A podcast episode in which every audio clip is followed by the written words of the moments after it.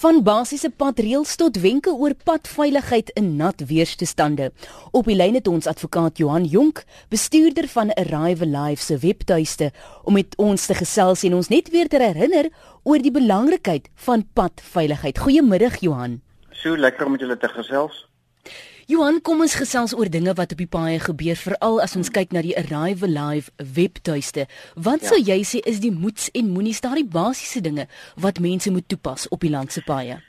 Weet jy so, ek dink ons ons kan nie oorbeklem toon die belangrikheid daarvan om verdedigend te bestuur nie. En ek dink dit begin by die dra van 'n veiligheidsgordel. As jy so kyk na die statistieke, dan sien ons dat jy weet 'n groot gedeelte, 40% van daardie padsterftes was passasiers gewees. En ek dink, jy weet, verdedigende bestuur, as ons ons veiligheidsgordels dra en ons en ons gee vir onsself die tyd en die ruimte om te reageer, dan kan ons baie van hierdie ongelukke voorkom. Jy weet die die paramedisy sê altyd dit is baie selde dat hulle 'n dooie persoon hoef los te maak uit sy veiligheidsgordel, die paaie. Ja. En ek dink baie van ons, jy weet wat nog nie 'n ongeluk was nie, besef nie hoe gevaarlik 'n medepassasier wat nie vasgemaak is nie, het op op weet die gevaar wat hulle het op ander lewens in 'n voertuig nie. Hmm. Johan meer as 9000 mense is verspoed aangekeer en hmm. byna 6000 mense is vir dronk bestuur aangekeer wat vir my sê daar's nog steeds 'n groot gros mense wat eenvoudig nie agslaan op die waarskuwings hmm. van arrive live nie verseker Etienne, weet jy, ek het so vinnig gekyk na na die aanbieding op, op, op toe dit regstreeks was en daar was 7 of 9 van daai spoedoortredings wat was bo 200 km/h. Nou enige iemand wat bo 200 km/h ry, weet dit dit gebeur nie uh, nalatiglik nie. Dit is 'n duidelike minagting en 'n boodskap dat luister, ek gaan doen wat ek wil doen. Ja. Uh, en en niemand gaan iets daaromtrent doen nie. Ek dink dit is uiters belangrik dat ons departement van vervoer ook saam met die departement van justisie werk om te kyk wat gebeur met hierdie arrestasies. Jy weet ek het nou self kom met 'n agtergrond waar ek klas gegee het in strafreg en ek dink net dit is baie belangrik dat die boodskap moet uitkom dat daar 'n gevolg is vir sulke optrede. Ek het vroeër vandag ook vir iemand gesê, jy weet wat byvoorbeeld vir my sleg is.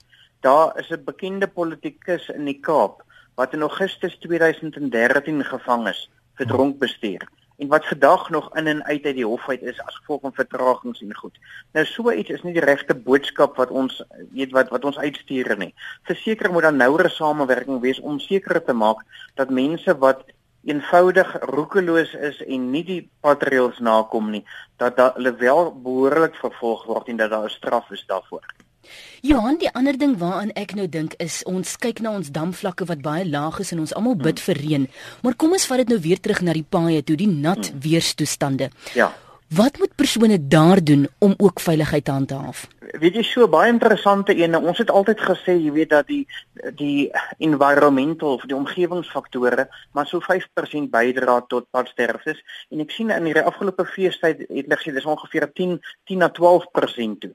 Die die probleem is is jy weet wanneer ons die nat reën eh, of die die nat weer het en die nat paaie is dat ons kry baie van die voertuie wat rol en dit is as gevolg van mense wat nie hulle spoed aanpas by die omstandighede nie. Ja. Weet ons sê altyd en ek het dit op Twitter ook redelik het ek dit aangehaal hierdie Desember vakansie, die die spoedgrens is nie 'n waarborg vir veilige spoed nie. Mm. Mens moet daarom 'n bietjie uh weet intelligensie aan die dag lê en besef luister, ek kan nie dieselfde ry op 'n droë pad as op 'n nat pad nie. Ek moet stadiger uh, jy weet byvoorbeeld 'n 'n bend wat sê ons 'n uh, in in die pad moet ek byvoorbeeld stadiger nader. Hmm. Die belangrikste advies vir mense wanneer uh, die paaie nat is en ook wanneer daar byvoorbeeld mis is, is eerstens om te bestuur met jou ligte aan, dan om jou spoed te verminder om jou volgafstande bietjie te vermeerder en om dan seker te maak dat jy nie enige afleiding of distraction op die pad het nie. Jy weet dat jy beide jou hande op die op die stuurwiel hou, beide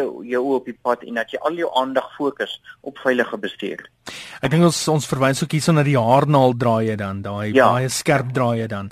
Ehm um, Johan, wat gaan Arrival Lives se uh, se fokus wees vir 2017 want jaar in en jaar uit hmm. Sien ons dat dat mense fokus spesifiek op vakansieseisoene, daar gaan weer 'n hmm. wintervakansieseisoen ook kom natuurlik, maar reg deur die jaar is hmm. padveiligheid natuurlik van kardinale belang sodat hy uiteindelik by Desember kan uitkom en jy 'n uh, lewendig by jou bestemming, jou vakansiebestemming kan uitkom waarvoor jy werk die hele jaar. So waarop gaan daar gefokus word in 2017? Weet jy, et, etien vir my is dit maklik aan die kant van die Rival Live, die webwerf of die sosiale media ons is 24/7, jy weet as 'n ou besig. Ek het nou die die statistieke gekyk, nou jy weet ons het laas jaar op die webwerf self so 1. net so onder 1.4 miljoen besoeke gehad en so.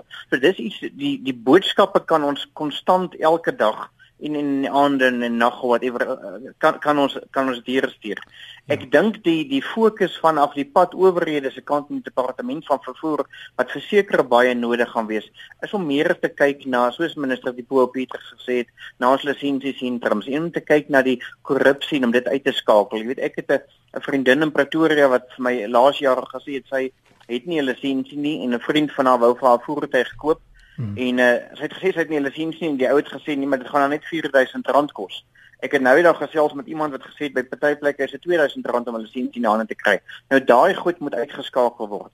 En ek dink dit is baie belangrik ook dat ons moet kyk na korrupsie in die verkeers uh die die enforcement om, omgewing, wie dat jou jou uh, wat noem ons jou polisiebeamptes, jou verkeersbeamptes, ja. dat daar korrupsie heeltemal uitgeskakel word.